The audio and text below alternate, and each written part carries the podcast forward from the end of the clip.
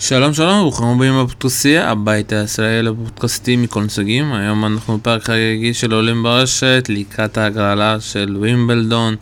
איתי כאן אור לוי וגם אליאור בחרי, אנחנו ככה בפאנל די מורחב.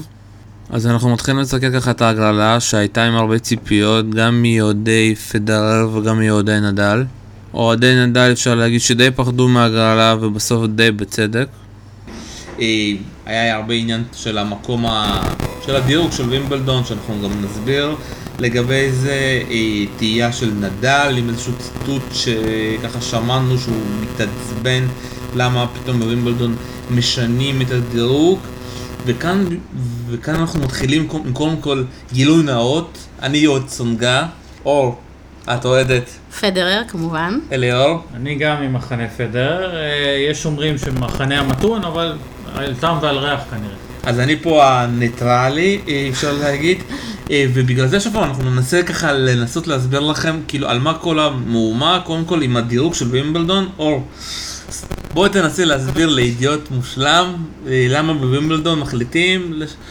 לא, אתה יודע, לא לעבוד לפי כמו שעובדים בסבב העולמי. כן, אז בווימבלדון באופן שונה מיתר הסלאמים, אה, יש מה שנקרא, לא הולכים לפי הדירוג הכללי, הדירוג שכולנו מכירים, ואם אנחנו אה, מדברים על השלושה הראשונים בעולם, אז אה, ג'וקוביץ' ראשון ורף השני ופדרר שלישי, אז בווימבלדון נותנים משקל לתוצאות דשא באופן, מהשנים האחרונות, באופן מדורג. לתוצאות מלפני שנתיים נותנים משקל מופחת, לתוצאות מלפני שנה משקל אחר, לתוצאות נוכחיות של עונת הדשא הנוכחית. כלומר עונת הדשא של בעיקר האלה, אה, אה, קווינס, אה, נותנים משקל יותר גדול ויש נוסחה, וצריך להדגיש שהנוסחה הזאת היא מתמטית, היא לא מושפעת משיקול דעת של המארגנים. אגב, נפתח סוגריים בשונה מטורניר הנשים, שם יש שיקול דעת למארגנים. טורניר הגברים זה לא ככה, ולאור תוצאות השנה בהאלה, שבו פדרר לקח את הטורניר ונדל לא שיחק שום טורניר הכנה, בדירוג של ווימבלדון פדרר הוא שני ורפה הוא שלישי. אה, וכאן השאלה, למה המחנה נדל פתאום התעורר והתחיל, אתה יודע, זה מין מחול שדים כזה שכאילו הם לא ידעו, נדל לא ידע, הצוות הספרדי לא ידע, מאיפה המחול השדים הזה? אני מניח שבשאלה של מאיפה צץ מחול השדים, אנחנו שואלים את זה כל סלאם מחדש, ואני מניח שהסיטואציה לא באמת משנה, כי התגובה פה היא בעיקר אמוציונלית, וכמו שאורה אמרה, הנוסחה הזאת קיימת וידועה לכולם כבר שנים ארוכות. כולם יודעים איך זה עובד, כולם יודעים שאין פה באמת שיקול דעת, אה, אבל ברגע שנכנס אולי החשש או אי הבהירות לגבי הטורניר, אז נכנס פה גם מימד שהוא רגשי ועם זה אין, אין הרבה לוגיקה מאחורי זה, פשוט מגיבים מהבטן ולמרות שכל העובדות ידועות. אז אני אגיד ככה, קודם כל האליום הזה שהיה דווקא במחנה הישראלי, קצת, הרגיש לי קצת די מובן מאליו, כי זה מין מחול שדים שתמיד קורה אצלנו בפורום. מה שלא הבנתי זה את המחול השדים בחו"ל, שפתאום כל המחנה האוהדים בחו"ל של נדל השתגע, וגם נדל. מה, מה קרה שם בחו"ל? לא, מה, הם הפכו להיות, אה, אתה יודע, אה, אוהדים של אה, בית"ר או... אה, דוד טוני כהרגלו, לא, אני, אני צוחקת. אה, הייתה שם איזו תגובה של נדל של איזה הפתעה, וגם ג'וקוביץ' שכמובן נשאל על הנושא הזה, והוא אמר משהו בסגנון It's a bit surprising, למרות ששום דבר לא היה surprising בעניין הזה, ואז פתאום התחילו הדיונים. מה שג'וקוביץ' באופן ספציפי שוכח, זה שבשנה שעברה, אה, למרות תוצאות יחסית נמוכות, זאת אומרת, הדירוג שלו שודרג, אם אני לא טועה, מ-21 למקום 12. אז כשזה קורה זה בסדר, כשפדרר מקבל שדרוג מ-3 ל-2 זה לא בסדר. למה? מה ההבדל? אין שום הבדל. גם נדל בעבר נהנה מהדירוג, אבל השאלה היותר מעניינת, איך מי שתומך במערכת דירוג על פני שנתיים, כמו שנדל תומך, שמעתי אותו מדבר על זה כבר לפחות עשר שנים. חושב שהמערכת הזאת טובה ושצריך להסתכל על תוצאות קודמות וכולי, אבל כשזה מגיע לווימבלדון כל ההיגיון הזה לא תקף פתאום. אז את זה אני קצת מתקשה להבין. אני אוסיף עוד מילה אה, בעניין הזה של מה קרה אצלנו ומה קרה בטוויטר ובאינטרנט בכלל. בסופו של דבר אוהדים הם אוהדים וכל אחד מסתכל על זה מהנקודת מבט המאוד סובייקטיבית שלו, של איך פגעו בשחקן שלי, או איך אה, עשו לו עוול, ובסופו של דבר אנחנו רואים שהתיקונים האלו, השינויים לכאן או לכאן של דירוג, קרו, כמו שקראו לנדל, קראו לפדר, קראו לג'וקוביץ', זה דברים ש... קשה, באמת להגיד שיש פה איזה יד מכוונת כלפי אחד מהם. אה, ולכן כל מחנות האוהדים מסתכלים על זה בצורה, בצורה שהיא לטעמי קצת מופרזת. זה לא משנה אם זה אוהדים ישראלים, אוהדים אה, אנגלים, אמריקאים או ספרדים. בסופו של דבר האופן הפרשנות הוא סובייקטיבי ולכן נוצר המחול שדים הזה.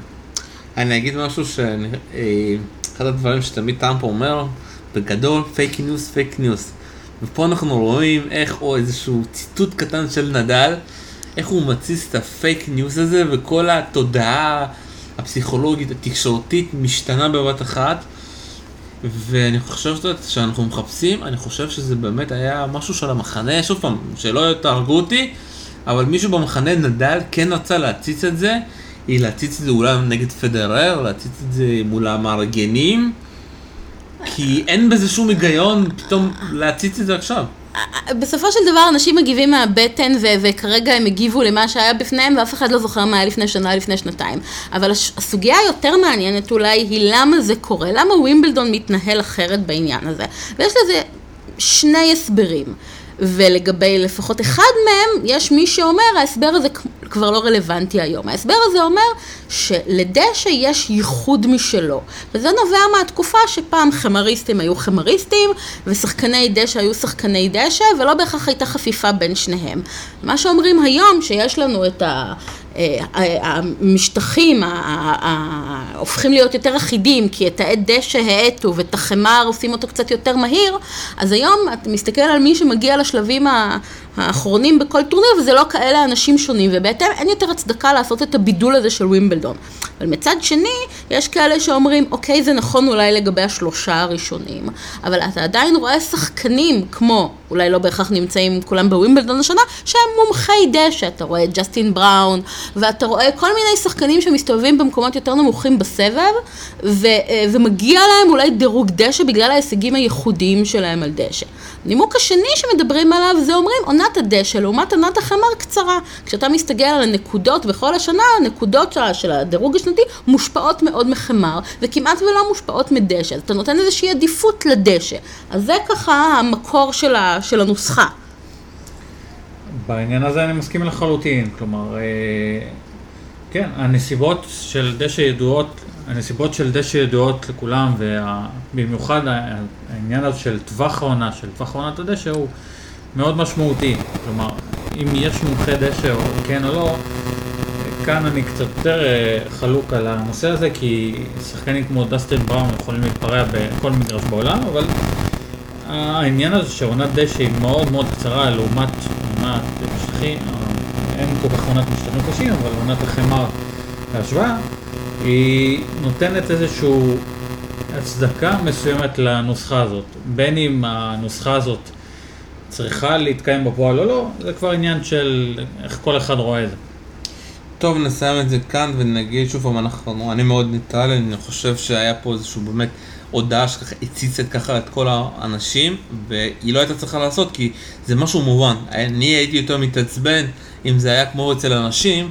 שאנשים היו מחליטים על דת עצמם, המארגנים היו מחליטים לקחת מישהו ולהזיז אותו כמו משחק של מונופול, אז הייתי מתעצבן, כי אז כאילו, לא, למה?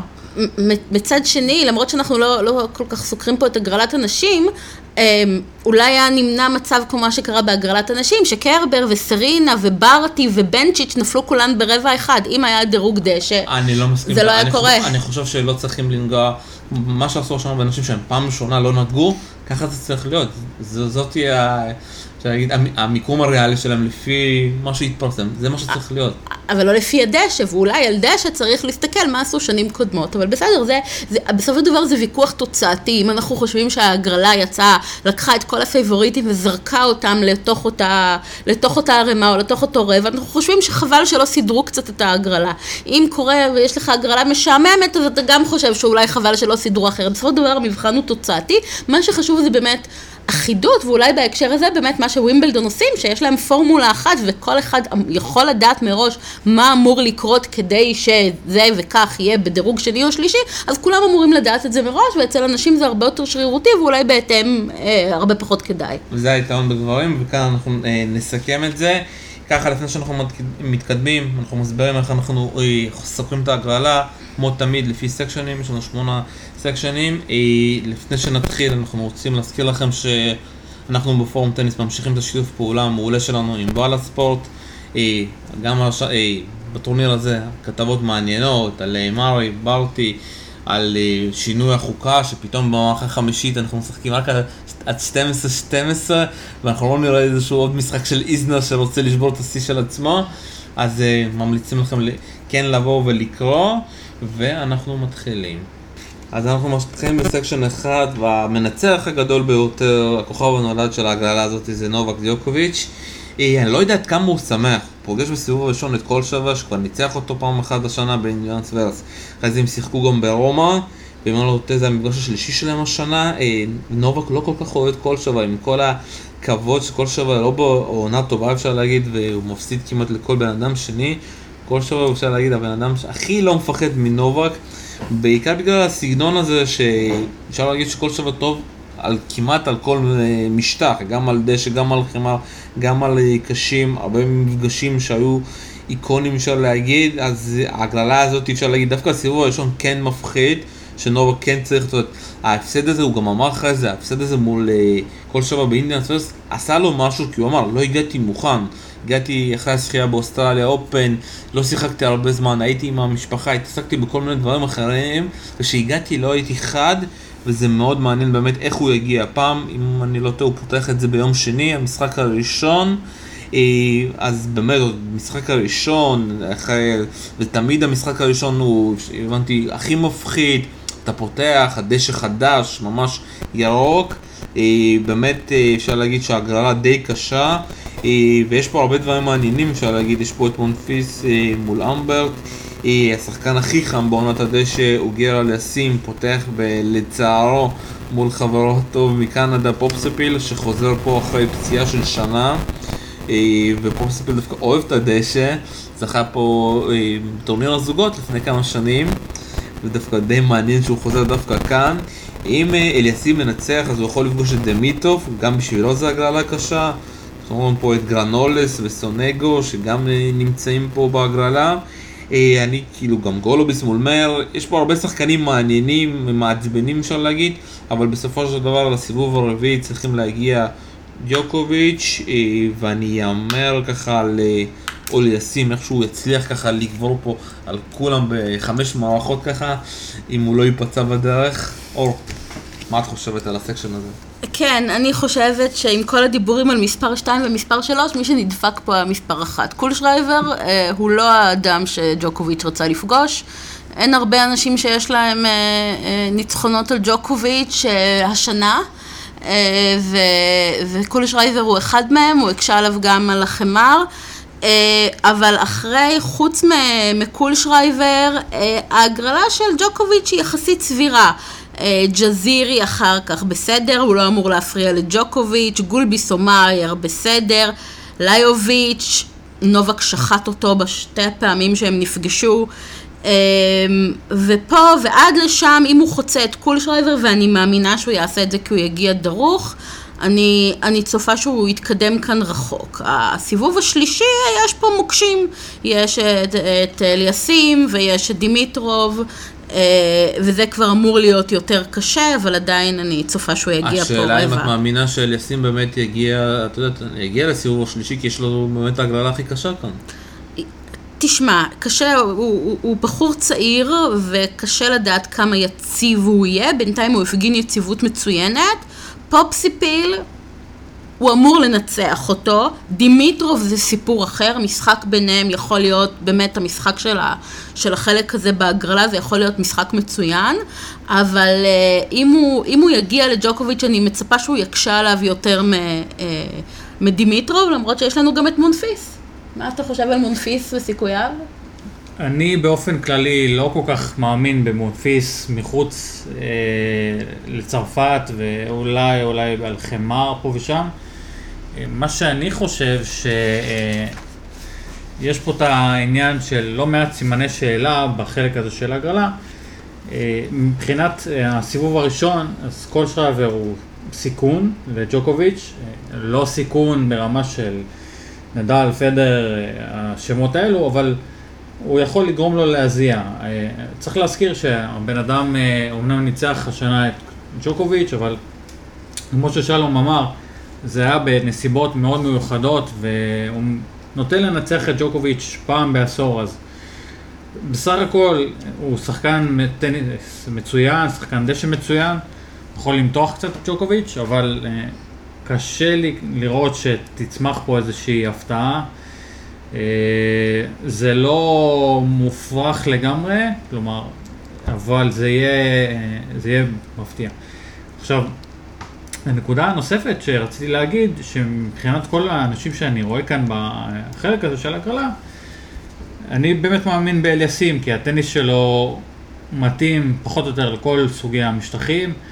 אה, הוא יותר שחקן באמת של משטחים קשים, אבל ראינו את ההצלחה שלו כבר העונה על הדשא, הוא יכול להגיע פה, אה, בכושר הנוכחי שלו הוא יכול להגיע לשמינית מול ג'וקוביץ', ולטעמי הוא גם יעשה את זה.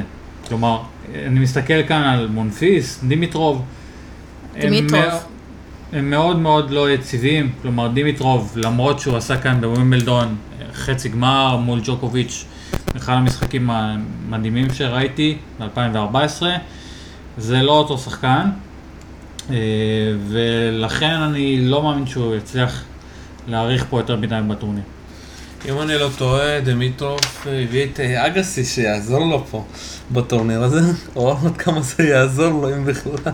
אגסי ודשא, אני לא תמיד היו שני קווים אה, שנפגשו יותר מדי, למרות שמן הסתם יש לו זכייה פה, אבל אבל כן, בסופו של דבר מה שדימיטרוב זקוק זה חיזוק באזור הראש, בעיקר בשלבים האלה, הוא כבר עם כל כך הרבה baggage מנטלי של אה, הפסדי עבר ותקוות לא ממומשות, והתואר של ה baby פדרר הזה שיושב לו כמו אה, שלוש משקולות על הכתפיים, שכל דבר שיכול להוציא אותו מה mode הזה, להחזיר אותו חזרה כאחד ה... לא יודעת אם טוענים לכתר, אבל לפחות ה tier 2 של השחקנים זה דבר מבורך, כי צריך מישהו מסוגו בסבב.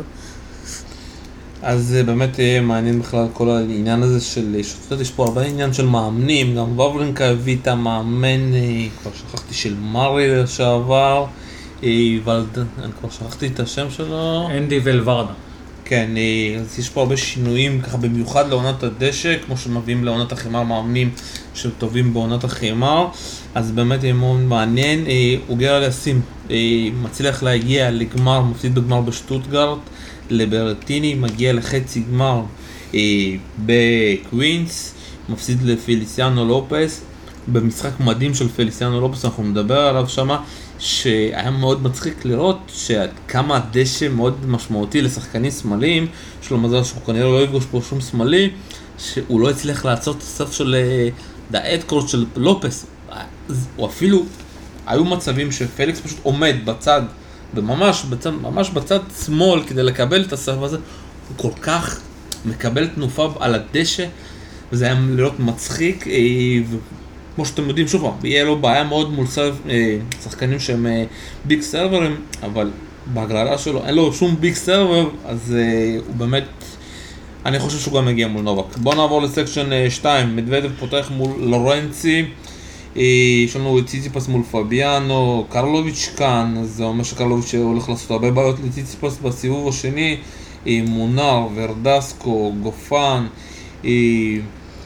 לדעתי השחקן שמאוד מעניין לראות פה זה באמת האם ההצלחה של גופן על הדשא בעלה זה משהו קצר כזה, כמו שהיה שנה שעברה לצ'וריץ', או שבאמת זה משהו שייתן לו איזשהו פוש.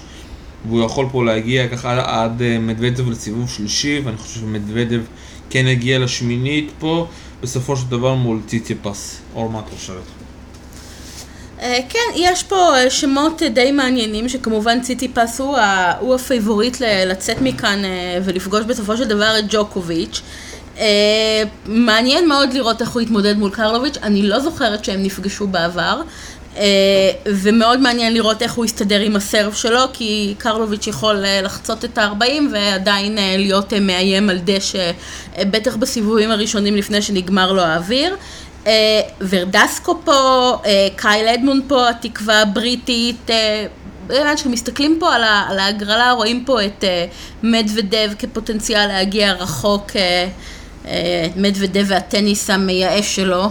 אה, כל מי שראה אותו משחק מול אה, סימון אה, שבוע שעבר באמת לא ראה תצוגה איטית יותר מימיו על הדשא, הם שניהם שחקנים שנוטים למשוך את המשחק למטה, וכשהם נפגשים אחד מול השני, הם, הם שחקנים מצוינים, כן? לא להבין אותי לא נכון, אבל הניסיון של להתיש את היריבים, אז כשיש לך שני, שתי צורות משחק כאלה באותו משחק, זה לפעמים יכול להיות מאוד... אה, מאוד אה, מייאש. אני קראתי למשחק הזה בית קברות אה, שצריך לתת את זה לאסירים, שאנחנו רוצים שהאסירים יסבלו, זה משחק לשים להם את זה בלופ. בלופ, פשוט היה משחק כל כך קשה לצפייה, זה פשוט עונש. אני רוצה להוסיף לגבי מדוודב ו...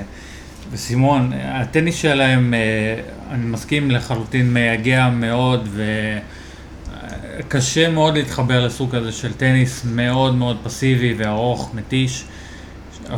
לצערנו גם ג'וקוביץ' ומרי בשיאם של 2012-2013 היו נגררים לסוגים האלו של המשחקים ואפילו שזה מדורגים כל כך גבוהים היה קשה מאוד לראות טניס כזה. וזה מצחיק שמדוודב, פתיחת העונה שלו הייתה מדהימה, כלומר הוא היה בשלב מסוים הוא היה שחקן עם הכי הרבה ניצחונות בסבב ואיפשהו הוא נרגע קצת בחודשים האחרונים. אז לכן כאן בווימבלדון אולי הוא ימצא את המוזה שלו קצת בחזרה של החודשים הראשונים, אבל כמו שאתם ציינתם, הסיפור הגדול כאן הוא ציסיפס, כי הבחור הזה, יותר מאשר התוצאות שלו, הוא מראה שהשנה יש לו איזשהו X factor בראש שהוא killer פשוט. יש לו משהו שלדעתי אין כרגע לזוורב, ושאנחנו נדבר עליו בהמשך, מאוד מאוד מאוד ממוקד ומאוד אה, בתוך המשחק, אה, וראינו את התוצאות שלו ב slam ים, כלומר ב Australian Open הוא עבר את פדרר, אמנם לא הצליח להפיק מעצמו יותר מדי מול נדל בחצי גמר, אבל גם ברולנד גרוס הוא דחק את וברינקה באמת לקצה אה, עד למערכה החמישית. אז אה, אני מאמין בו בשב, בשבועיים הקרובים.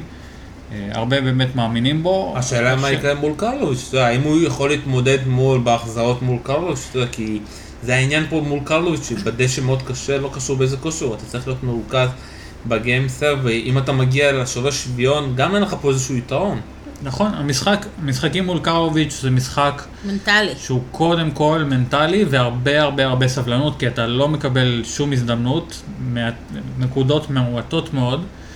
ואני מניח שזה היתרון של סיזיפס, בעצם זה שיש לו ריכוז כזה גבוה שהוא מאוד מחויב, אפילו מחויב מדי שהוא לפעמים מרביץ לעצמו במהלך המשחק. אז סך הכל אני כן חושב שהוא, אם זה היה משחק של הטוב משלוש, הייתי אומר לך שאולי יש פה סיכון מסוים, אבל בפורמט של הטוב מחמש, אני מאמין שהוא יסתדר. עוד משהו שלגבי הסקשן הזה? כן, אני מהמרת שם שגופן אה, יפגוש את אה, ציציפס בסיבוב השלישי. למה גופן? יש לך זיכרונות טובים ממנו מפעם אחרונה שהוא העיף את פדרר? כי אני חושבת שהוא נמצא פחות, אבל אני חושבת שאני מסתכלת פה על השחקנים ומי אמור להיפגש עם מי, אני חושבת שהסיכוי שלו שם לצאת מה... מהחלק הזה של ההגרלה הוא לא רע בכלל, הוא בכושר טוב, גופן צריך לזכור, הוא שחקן מצוין, הוא סבל בשנה וחצי האחרונות מכל מיני פציעות וביש מזל, ועכשיו הוא באמת מראה, הוא חוזר ליכולות שאפיינו אותו, הוא התחיל כ... ראינו אותו בהתחלה כחמריסט כזה, אבל בואו לא נשכח את טורניר סוף השנה, ששם הוא, הוא הפתיע. אה, אה, טורניר סוף השנה ב-2017, הוא יכול לשחק על כל המשטחים, יש לו טניס מפתיע, אמ, ובאמת אני, אני רואה פה אותו כסיכון אה, להגיע רחוק, ומשחק מול ציציפס ביניהם, הייתי מאוד שמחה לראות, זה יכול להיות משחק מצוין. אני אגיד משהו לגבי גופן, הכושר שלו אה, באלה מאוד הפתיע אותי. קשה לי להאמין שזה משהו שיכול לחזור בווימבלדון, כי התנאים באלה מאוד שונים. הניצחון הנהדר שלו על אה, ברטיני, על זוורב, הוא נתן מול זוורב שם שובר שוויון מדהים שם, היו שם באמת כמה נקודות, אה, סט שלישי מעולה, עם הרבה אפים אה, מנטליים, עדיין קשה לי להאמין שהוא יכול להביא את זה בגרנסאם. חוץ, לדעתי, שוב פעם, אני לא זוכר משהו שהוא עשה טוב, אתה יודע, צריך לבדוק את זה. עשה, עשה, עשה סיבוב רביעי, לפחות עשה גם רבע, אני חושבת, איפשהו. סיבוב רביעי בוודאי עשה. בחמר. בחמר, בסדר, זה לא אומר, אני לא, הוא, הוא לא, הוא לא שחקן חלש מנטלי, הוא לא שחקן חלש...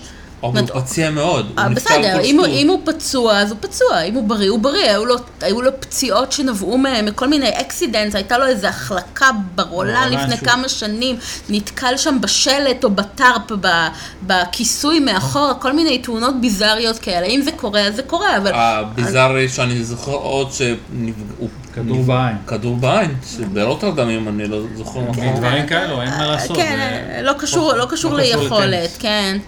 אז זה הרבה בית לאג ומאוד מעניין. אנחנו עוברים ל section 3. אה, והמנצח הגדול של section 3, שכולם רצו לפגוש אותו, קווין אנדרסון, שנמצא לצערו בעונה די לא טובה, אה, אפשר להגיד אחרי Australian Open, הוא כבר נפצע, החליט לוותר על עונת החימר, אה, בפוסט מאוד מרגש באינסטגרם הוא אמר בעצת רופאיו, באופן... בסאבטקסט הוא אמר, אין לי כוח לעונת החימר עכשיו, אה, לרוץ על החול, אה, והגיע ישר לדשא, כבר בקווינס הוא הפסיד לסימון, רואים שהוא עדיין לא חד, הפסיד שם סט ראשון 6-1, נשבר, זה אומר לפחות פעמיים, זה כבר אומר שהבן אדם, הסרף שלו עדיין לא במקום הנכון, אה, והוא דווקא מקבל בסיבוב הראשון את ההגרלה, אפשר להגיד שהיא הכי קלה, שזה הרברט אה, שהגיע לחצי גמר באלה מול פדרר והפסיד שמה. אני מאמין שיהיה פה משחק לפחות של חמש מערכות, אה, ואני גם לא אופתע אם הרברט ינצח פה, כי אנחנו לא יכולים לדעת באיזה באמת כושר פיזי, מנטלי, אנדרסון, אנחנו רואים פה גם את אה, טיפסרביץ' שנכנס פה עם אה, דירוג מוגן, ראוניץ' שחוזר גם מפציעה, שגם החליט ככה לוותר על עונות החמר שלו, ורואים פה הרבה big server ים, גם אופלקה.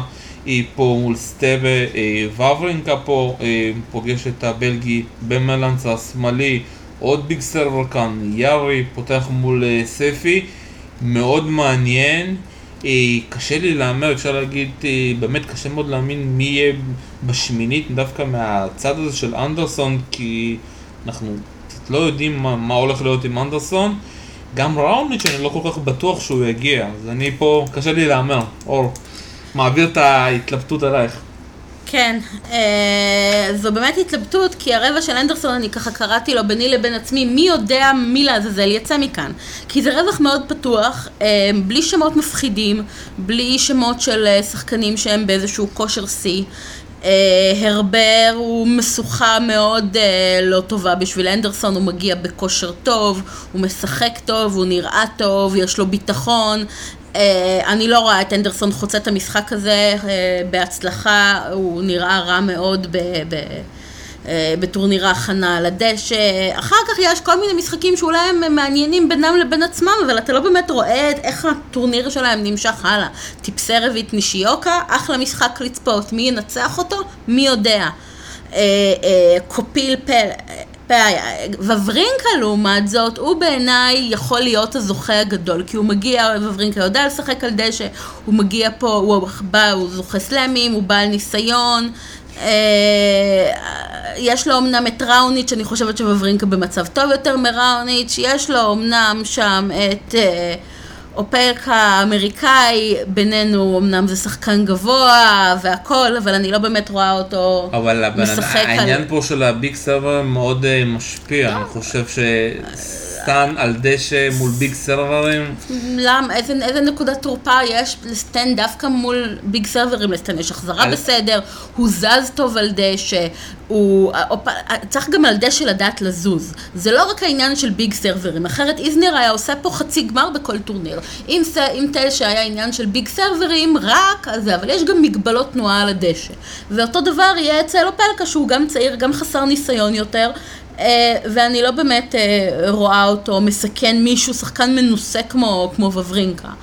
אני אגיד לך שוב, ראיתי את ורינקה בקווינס, ואני עדיין לא מרגיש שהוא... הוא שולט על עצמו, אתה יודע, כמו על החמר, הוא קצת, אה, הוא יכול לאבד את עצמו לפעמים בשניות כאלו, והמשחק בורח שם, וגם שנה שעברה שהוא לא הצליח, למרות שהוא היה עם פציעה. תשימי לב, מתי וורינקה כן הצליח על הדשא, יש לו בעיה על הדשא שהוא קשה לו להיות, את יודעת, אה, מרוכז לאורך הזמן.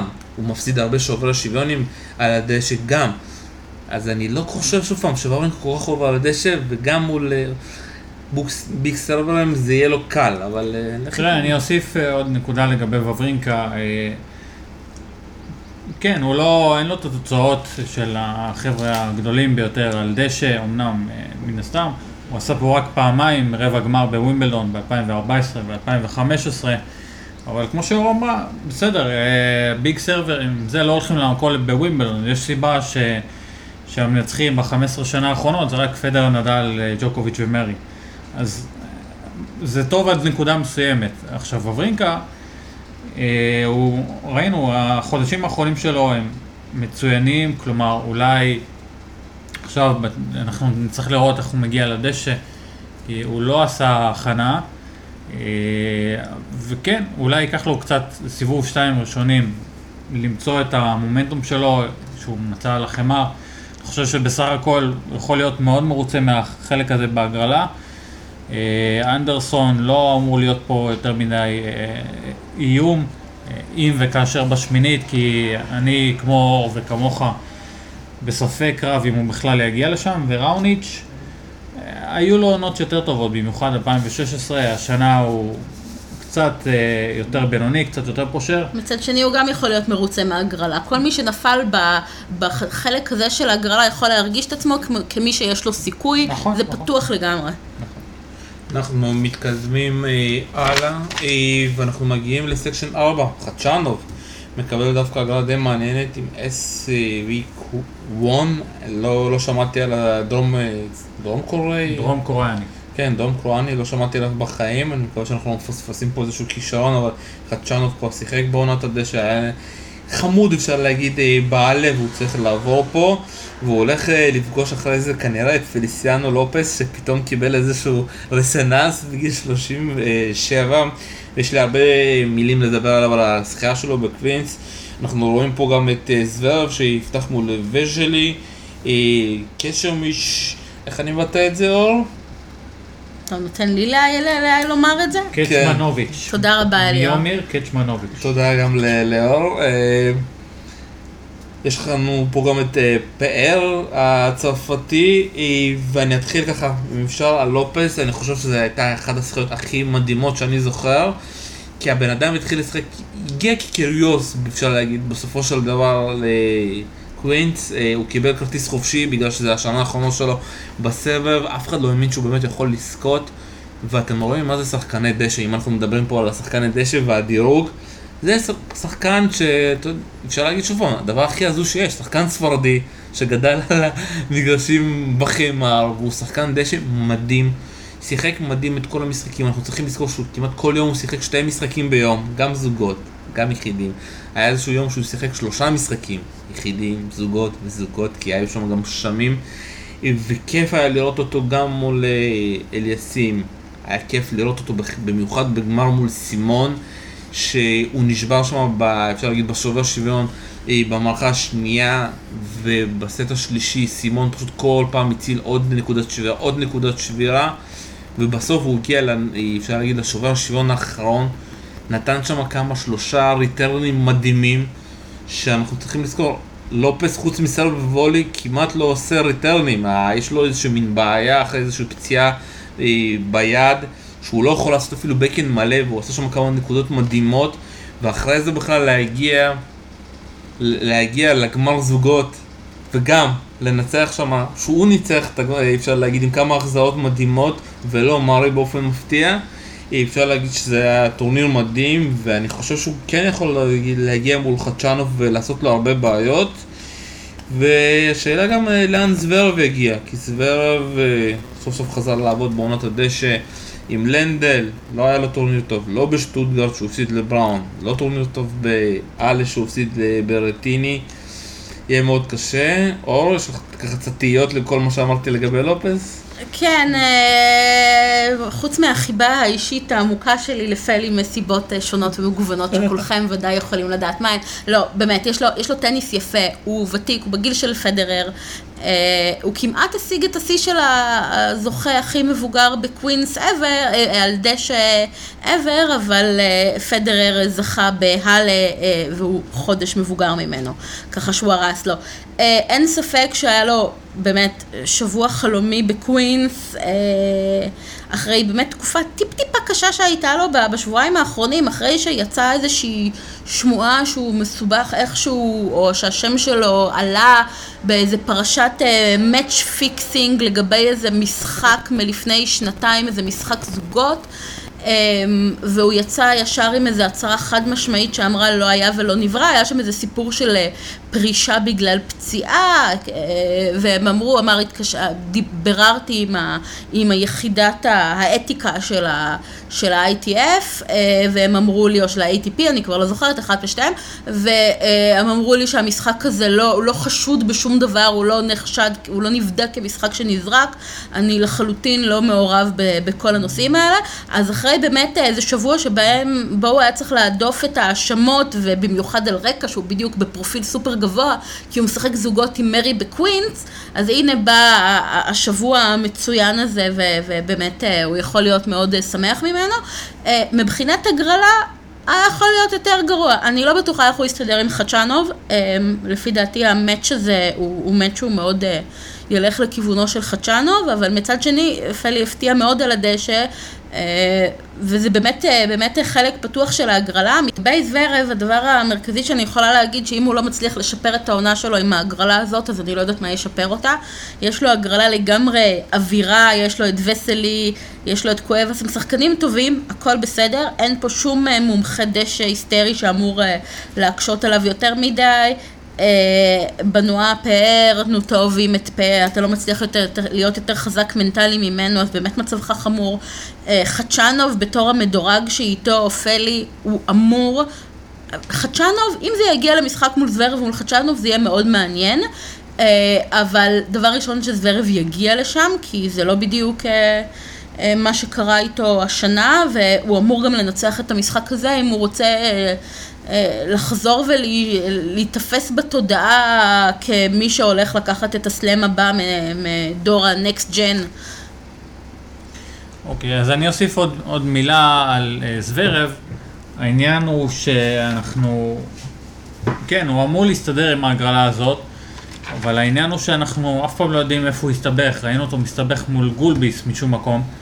אה, בשנה שעברה. הוא היה פצוע אחרי רולאן גארוס. נכון, נכון, תמיד יש נסיבות מקלות, ותמיד הוא פצוע, ותמיד אה, הוא לא מסתדר עם השחקן מולו, אבל בסופו של דבר הוא צריך לספק את התוצאה, כי אה, הוא זכה בכל כך הרבה טורנירים קטנים ומאסטרס וסוף העונה, אז אנשים כבר מתחילים לבנות ממנו ציפיות, ואני לא אגיד, התייאשו ממנו לגמרי, אבל יש כבר איזשהו...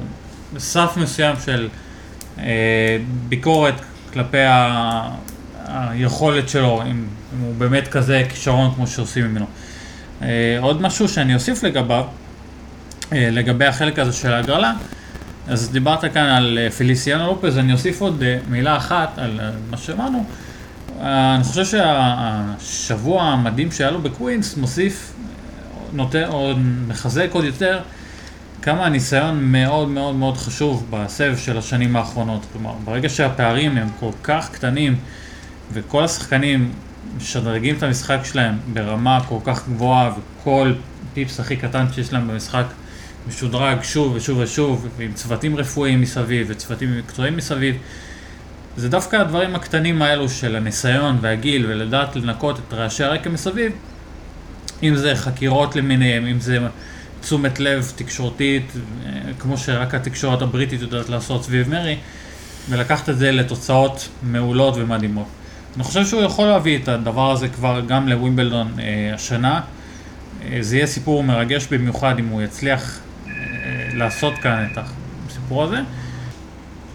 ואני באמת מאמין שהיכולת מקווינס, תתבטא גם כאן. אני לא יודע, מן הסתם הוא יכול ללכת עד הסוף אה, בווימבלדון, זה יהיה מאוד מאוד מאוד מאוד לא סביר, אה, בטח לנוכח היריבים המוכרים.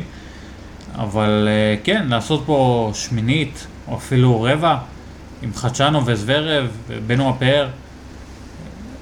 כן, אולי בשבוע קסום כמו שהיה לו בקווינס, יכול להיות. יהיה באמת מאוד אה, מעניין מה יהיה עם בכלל אה, בכל ה section הזה, אנחנו עוברים ל section 5, אז אה, הגענו ל section של טים.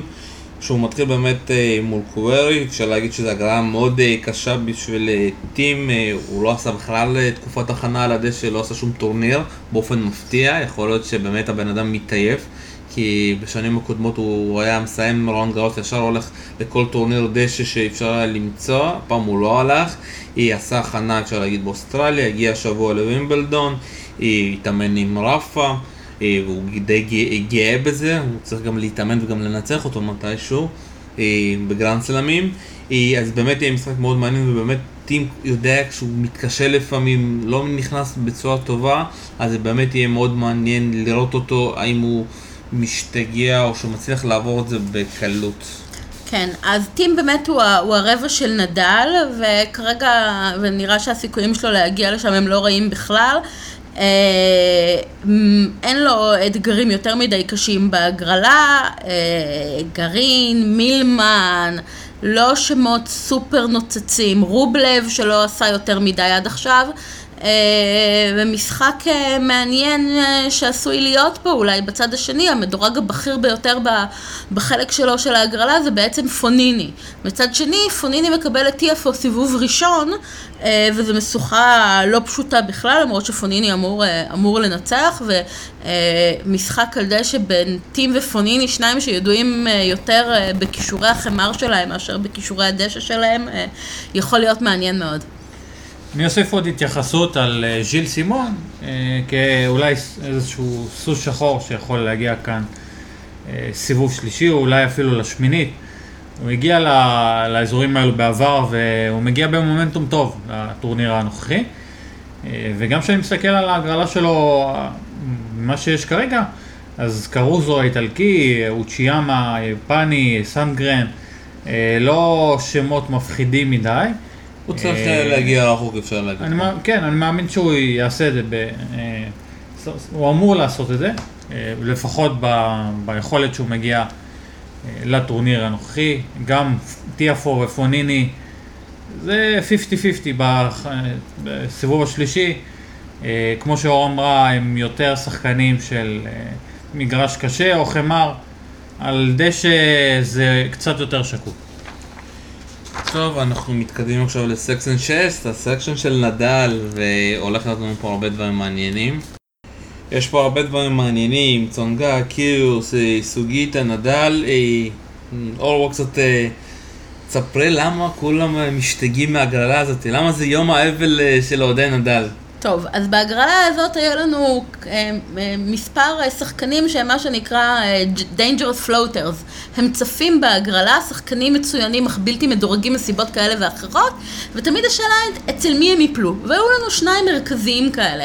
אחד מהם זה ניק קיריוס, שכמובן יכול לנצח כל בכיר, אבל חוץ מהרגעים האלה שהוא מבליח הוא לא עושה כלום.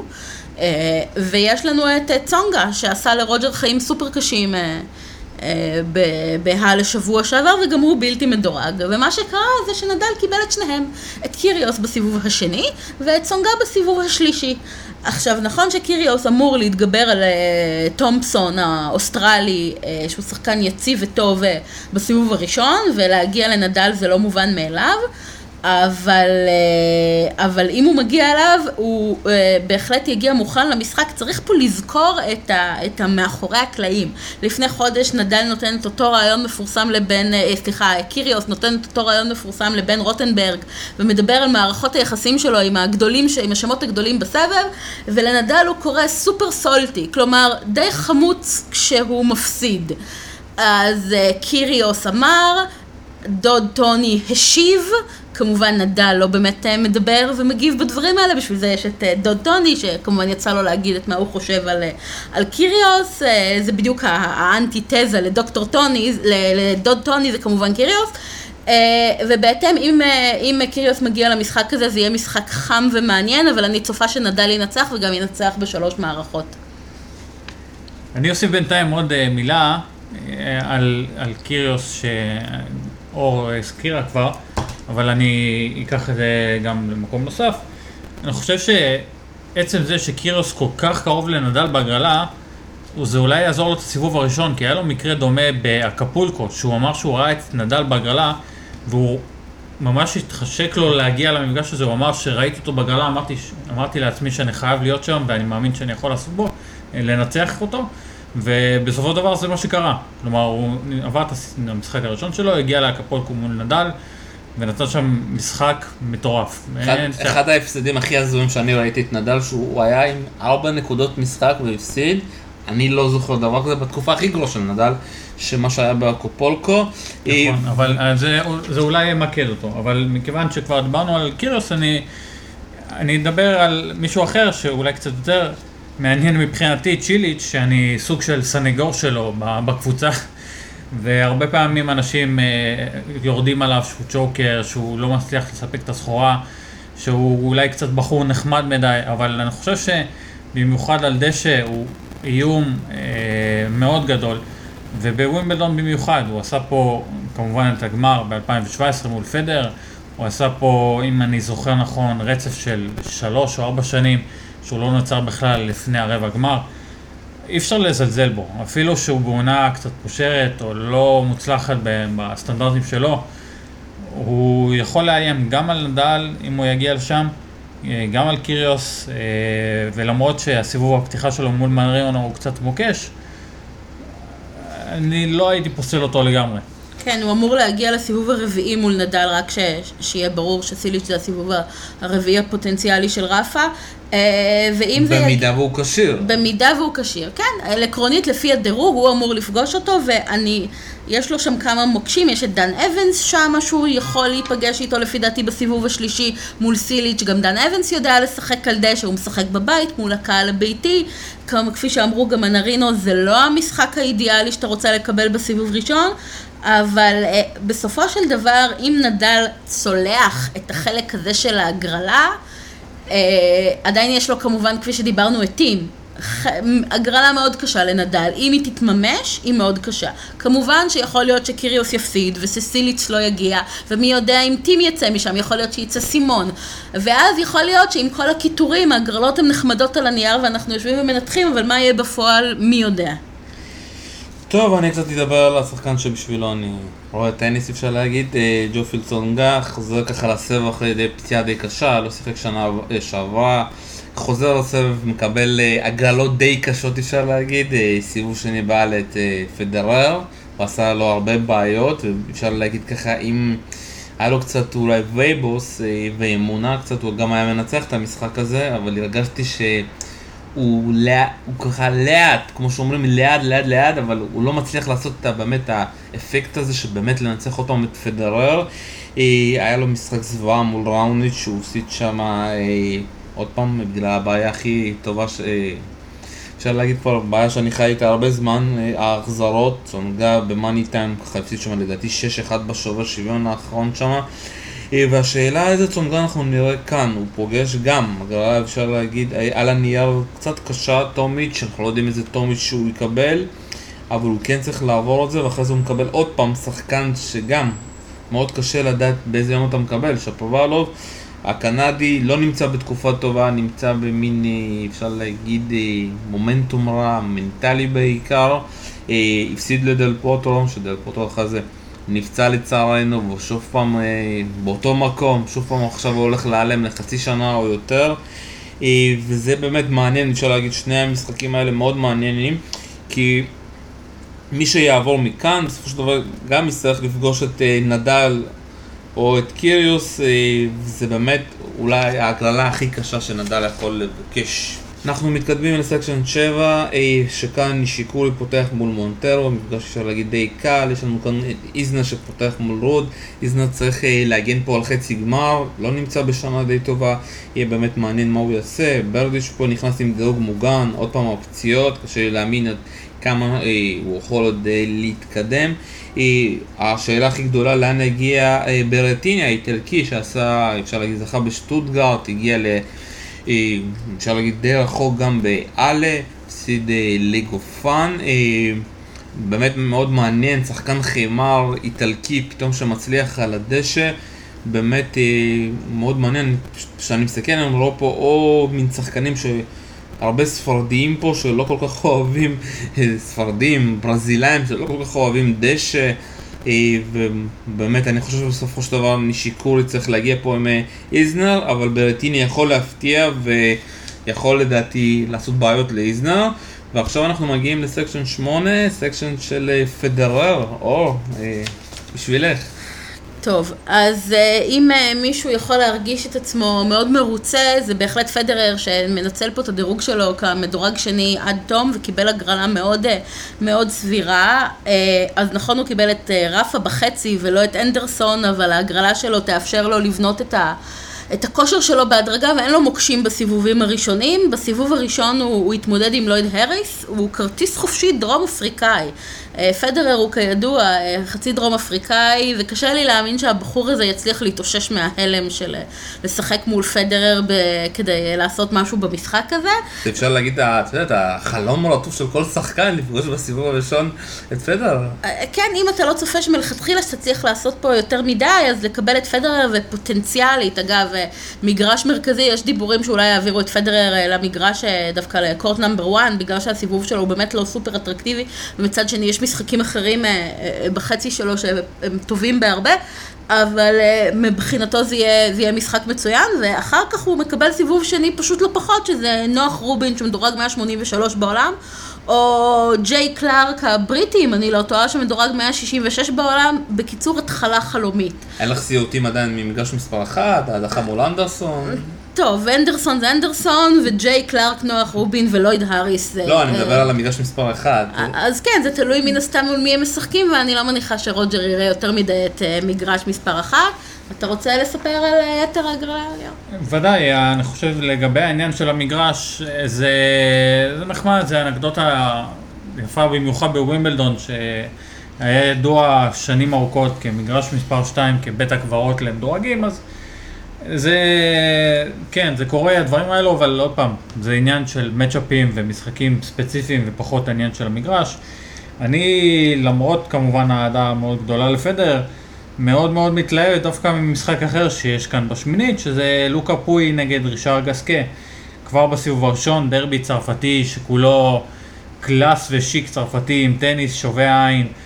אה, משחק מאוד מגוון, אה, baseline, מהרשת. אה, וסיבוב שלישי מאוד אכיל עבור פדרר, גם פואי וגם גסקה. הם... נכון, הם יריבים, הם בסך הכל matchup נוח לפדר. הם לא מסוג השחקנים שמסוגלים להעיף את פדר מהמגרש בעוצמות, וסך הכל הגיוון הזה זה משהו שפדר מרגיש איתו בגדול נוח. מה שהוא לא כל כך מרגיש נוח זה באמת המדורג הבכיר שלו כאן בשמינית, שזה בורנה צ'וריץ', שהוא שחקן מאוד מאוד עקבי. במידה אה, והוא כשיר, שוב פעם, הוא סיים את אלה עם פציעה בגב, אה, קשה לי מאוד להאמין שהפציעה הזאת לא תצאים באמת, אה, כי שוב פעם, אנחנו צריכים לזכור שהפציעות בגב הן מאוד קשות, במיוחד על הדשא. וכמו שאני מכיר את ג'ורג', הוא לא אוהב לסבול והוא סובל במגרשי דשא, הוא צריך להשקיע הרבה, במיוחד בסרב. אם הפציעה היא קשה, אני לא רואה אותו מגיע עד פדרר. נכון, כל זה בהנחה באמת שהוא כשיר. אה, הסגנון שלו הוא סגנון מאוד uh, פיזי, מאוד מתיש. ג'וקוביץ' uh, סטייל, כן. בדיוק, ג'וקוביץ' סטייל, נקודות ארוכות מאוד. פחות הראש. Uh, בדיוק, זה משחק של סבלנות מהצד השני, אם דיברנו על קרלוביץ' של... שאתה חוטף אייסים על ימין ועל שמאל, עם צ'וריש שאתה מקבל כל נקודה 10-15 מכות.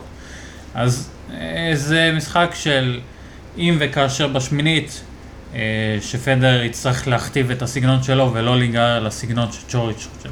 או סטרוף, גם סטרוף שם.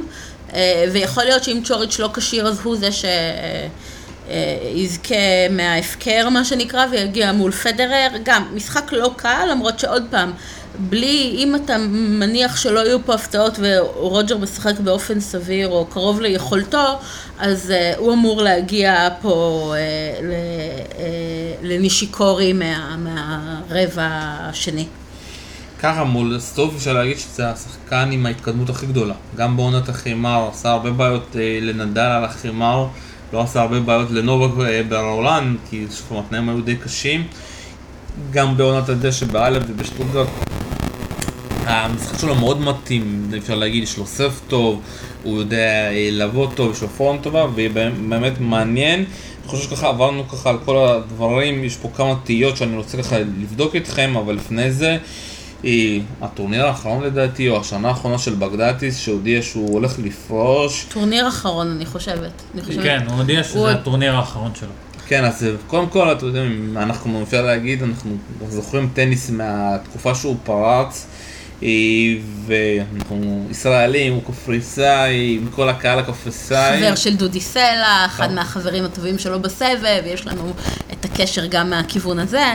אה, ואני אגיד לכם שוב פעם, אה, אפשר להגיד שהריצה שלו באוסטרליאן אופן הייתה הדבר הכי טוב שהוא עשה בסופו של דבר עם כל הפציעות שלו? כן, כן. ללא ספק, ללא ספק. הגמר באוסטרליאן אופן ב-2006, זה פסגת הקריירה שלו, קשה להתעלות מעל זה. הוא, הוא הכניס שם את אה, פדרר ללחץ, אם אני לא טועה, הוא הוביל בסט ושבירה. לפני, האוסטרליאן אופן 2006 היה טורניר אה, מאוד קשה וגם מאוד פיזי עבור פדרר, היו לו שם כמה הסתבכויות, הוא הגיע למשחק מול בגדדיס בלי להכיר כמעט את השחקן הזה. אה, בגדדיס שם ניסה על גלי האהבה, עשה לפדרר חיים סופר קשים לפני שבאמת פדרר בשנת השיא שלו, 2006, התעשת ו- וניצח את המשחק וכולנו היינו בטוחים שהנה מגיע הדבר הבא. לפי דעתי באותה שנה הוא עשה רבע או חצי בווימבלדון, הייתה לו לפחות תוצאה מאוד טובה, אמ, אבל מאז הוא גם פציעות, גם קצת אה, חוסר בכושר פיזי. או שמירה על אורח חיים בריא עד הסוף, אה, מגוון של דברים גרמו לו לא לנצל את הפוטנציאל שלו, הייתה לו קריירה יפה, היו לו כמה משחקים יפים, היה לו את המשחק הזה באוסטרליאן אופן, מה מול יואיט אני רוצה?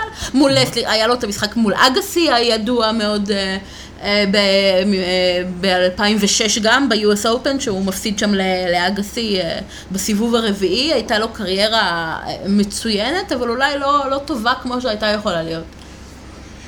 ושוב פעם, מאוד אה, כיף ככה לראות שווימבלדון באמת מכבדים, נותנים לו VC, יש פה הרבה VC, כשעבור...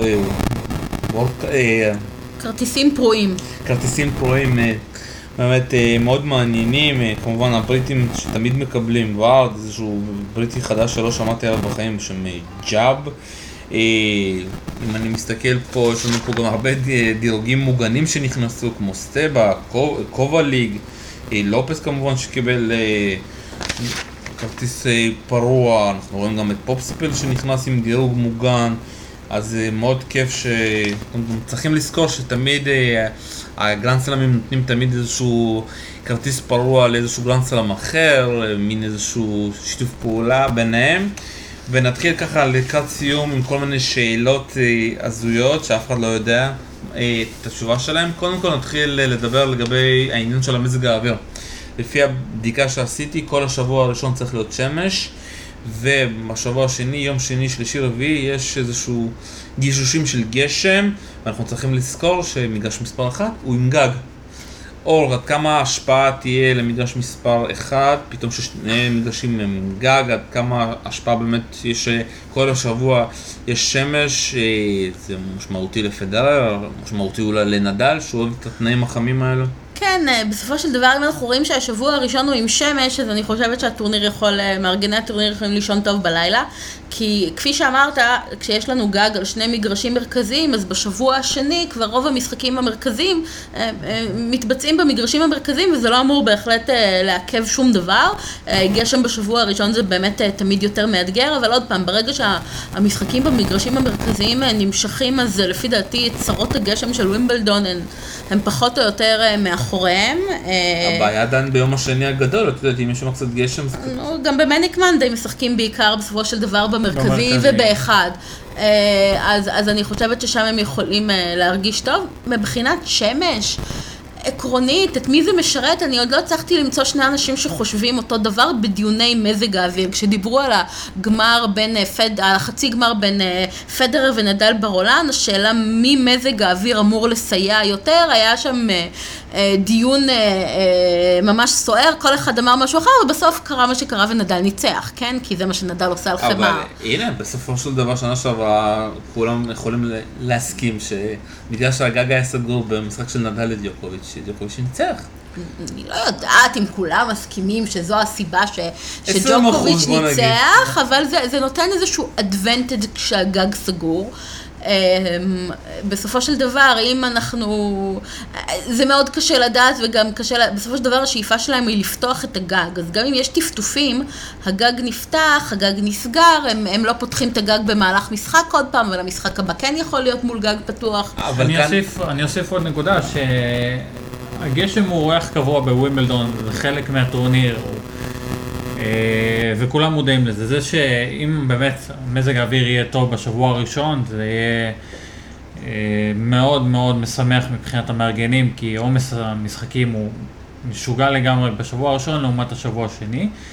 ולגבי למי זה יותר עוזר יותר, גשם, קור, אה, רוחות, זה, זה התנאים, כלומר צריך להתמודד עם זה אה, as is, כלומר אנחנו, אה, אפשר לבוא בטענות לגשם או למזג אוויר, רוח, דברים כאלו, פשוט צריך להתמודד עם זה. אה, זה וגם בעניין של, אה, אתה יודע, גג סגור, גג פתוח, בסופו של דבר השחקנים אמורים לדעת לעשות את התאמות האלו, בטח ובטח ברמות הכי גבוהות אה, של ווימבלדון. אני אגיד עוד משהו לגבי הגג, מסכים עם כל מה שאור אמרה, אבל שנה שעברה, הקטע המצחיק היה שנדל ונוקובוק שיחקו עם הגג, ואחרי שהם חזרו לשחק, הם המשיכו לשחק עם הגג, בגלל החוקים שחייבים להמשיך באותו... אותם תנאים. אותה נקודה תנאים. שהמשחק הופסק. את מסכימה איתי שאם המידה שהגג היה פתוח, כל האפקט של נובק היה יורד באותו משחק? ש... יכול להיות שאין ספק שנובק הוא שחקן אולמות יותר טוב מרפה, על זה אין חולק. אה, כמה הגג עזר, מאחר שלא הרבה הפריד ביניהם, אז יכול להיות שמאוד. אה, קשה לדעת איך הדינמיקה הייתה שונה, קשה לדעת איך זה השפיע עליהם מנטלית. למיטב זיכרוני, ואני אומרת את זה בזהירות, לפי דעתי הם לא הולכים לחזור על זה השנה. לפי דעתי אחרי זה הייתה איזו אמירה, שאם המשחק יופסק ויתחדש למחרת, הוא יתחדש עם גג פתוח. אני אומרת את זה בזהירות, כי אני לא זוכרת עד הסוף, אבל לפי דעתי זה לא אמור לקרות אה, סיטואציה דומה השנה. לדעתי אני חושב שגם זה צריך להיות. תהייה שנייה, אה, תהייה שנייה שלי. מי הולך להיות הסוס הפרוע שלכם? אה, מי הולך אה, להפתיע? אני הולך על הדבר הכי צפוי בעולם לדעתי, אוג'ר יאסין. אני חושב שהוא מגיע בכושר טוב, הוא מגיע אחרי האכזבה הזאת שהוא נפצע בטורניר בשבוע האחרון לפני רון גאוס ולא שיחק ברון גאוס. אה, הוא נמצא גם במקום כזה שהוא כן יכול להגיע ככה מול נובק, הוא יכול לעשות לו הרבה בעיות. כן, אני לא יודעת אם זה סוס שחור, כי אני מדברת פה על ציציפס, אבל אני חושבת שהוא מנצח את נובק. זה ההימור שלי. וואו. אוקיי, רעידת אז, האדמה, בום! אז אני אפיל פה עוד פצצה, ואני חושב שקיריוס ינצח את נדל בסיבוב השני. לא מפתיע אותי בכלל. אה, אז כן, זה אולי לא מפתיע אחרי- אחרים, ב- אתה חושב בהיסטוריה של נדל, אבל אני חושב שדווקא האופי של קיריוס, הילד הרע הזה שאוהב לתקוע אצבע על העין אה, לכולם, אה,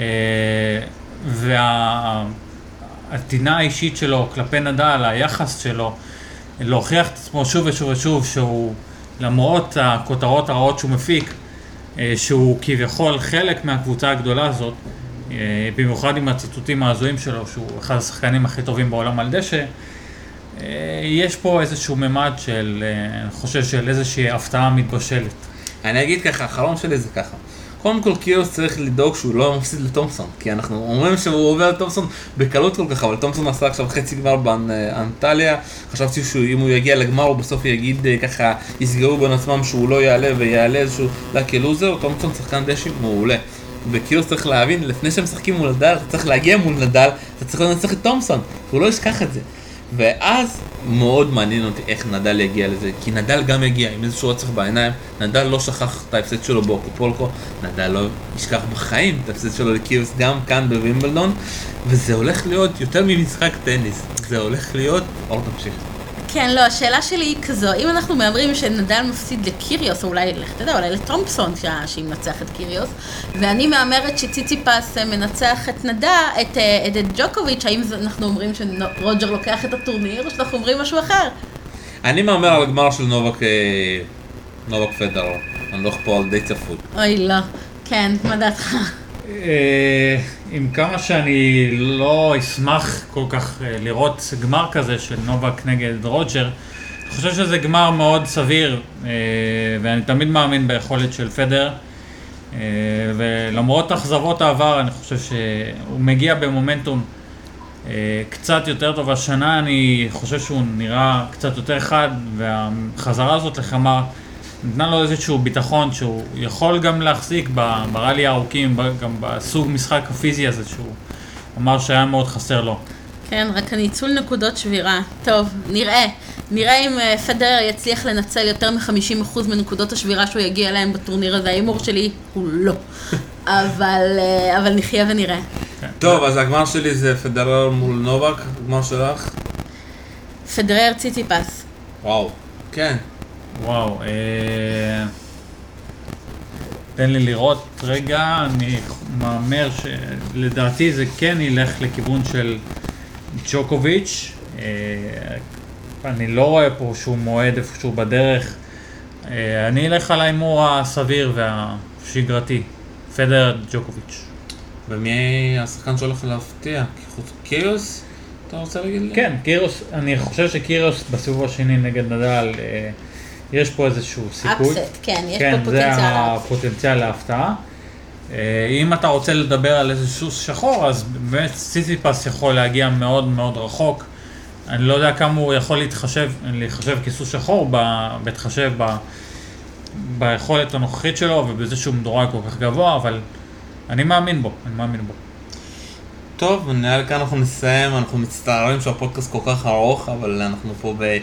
כוח מוגבר וכנראה שאנחנו חופים יותר מדי ומכאן אני רוצה להודות ככה תראו טניס, תהנו, אה, כמובן אה, כל השידורים בערוץ הספורט אה, הרגיל, המשולם אפשר למצוא ברחבי האינטרנט גם מי שאין לו טלוויזיה כבר, אנחנו כבר ב-2019, לכולם יש טלוויזיה. אור לוי, תודה רבה. תודה רבה. אליאור בכר, תודה רבה. תודה שלום, וצפייה מהנה, ושיהיה לנו טורניר נהדר. אל תשכחו לבקר כמובן אצלנו בפורום. תודה רבה, כאן היה שלום סיונוב.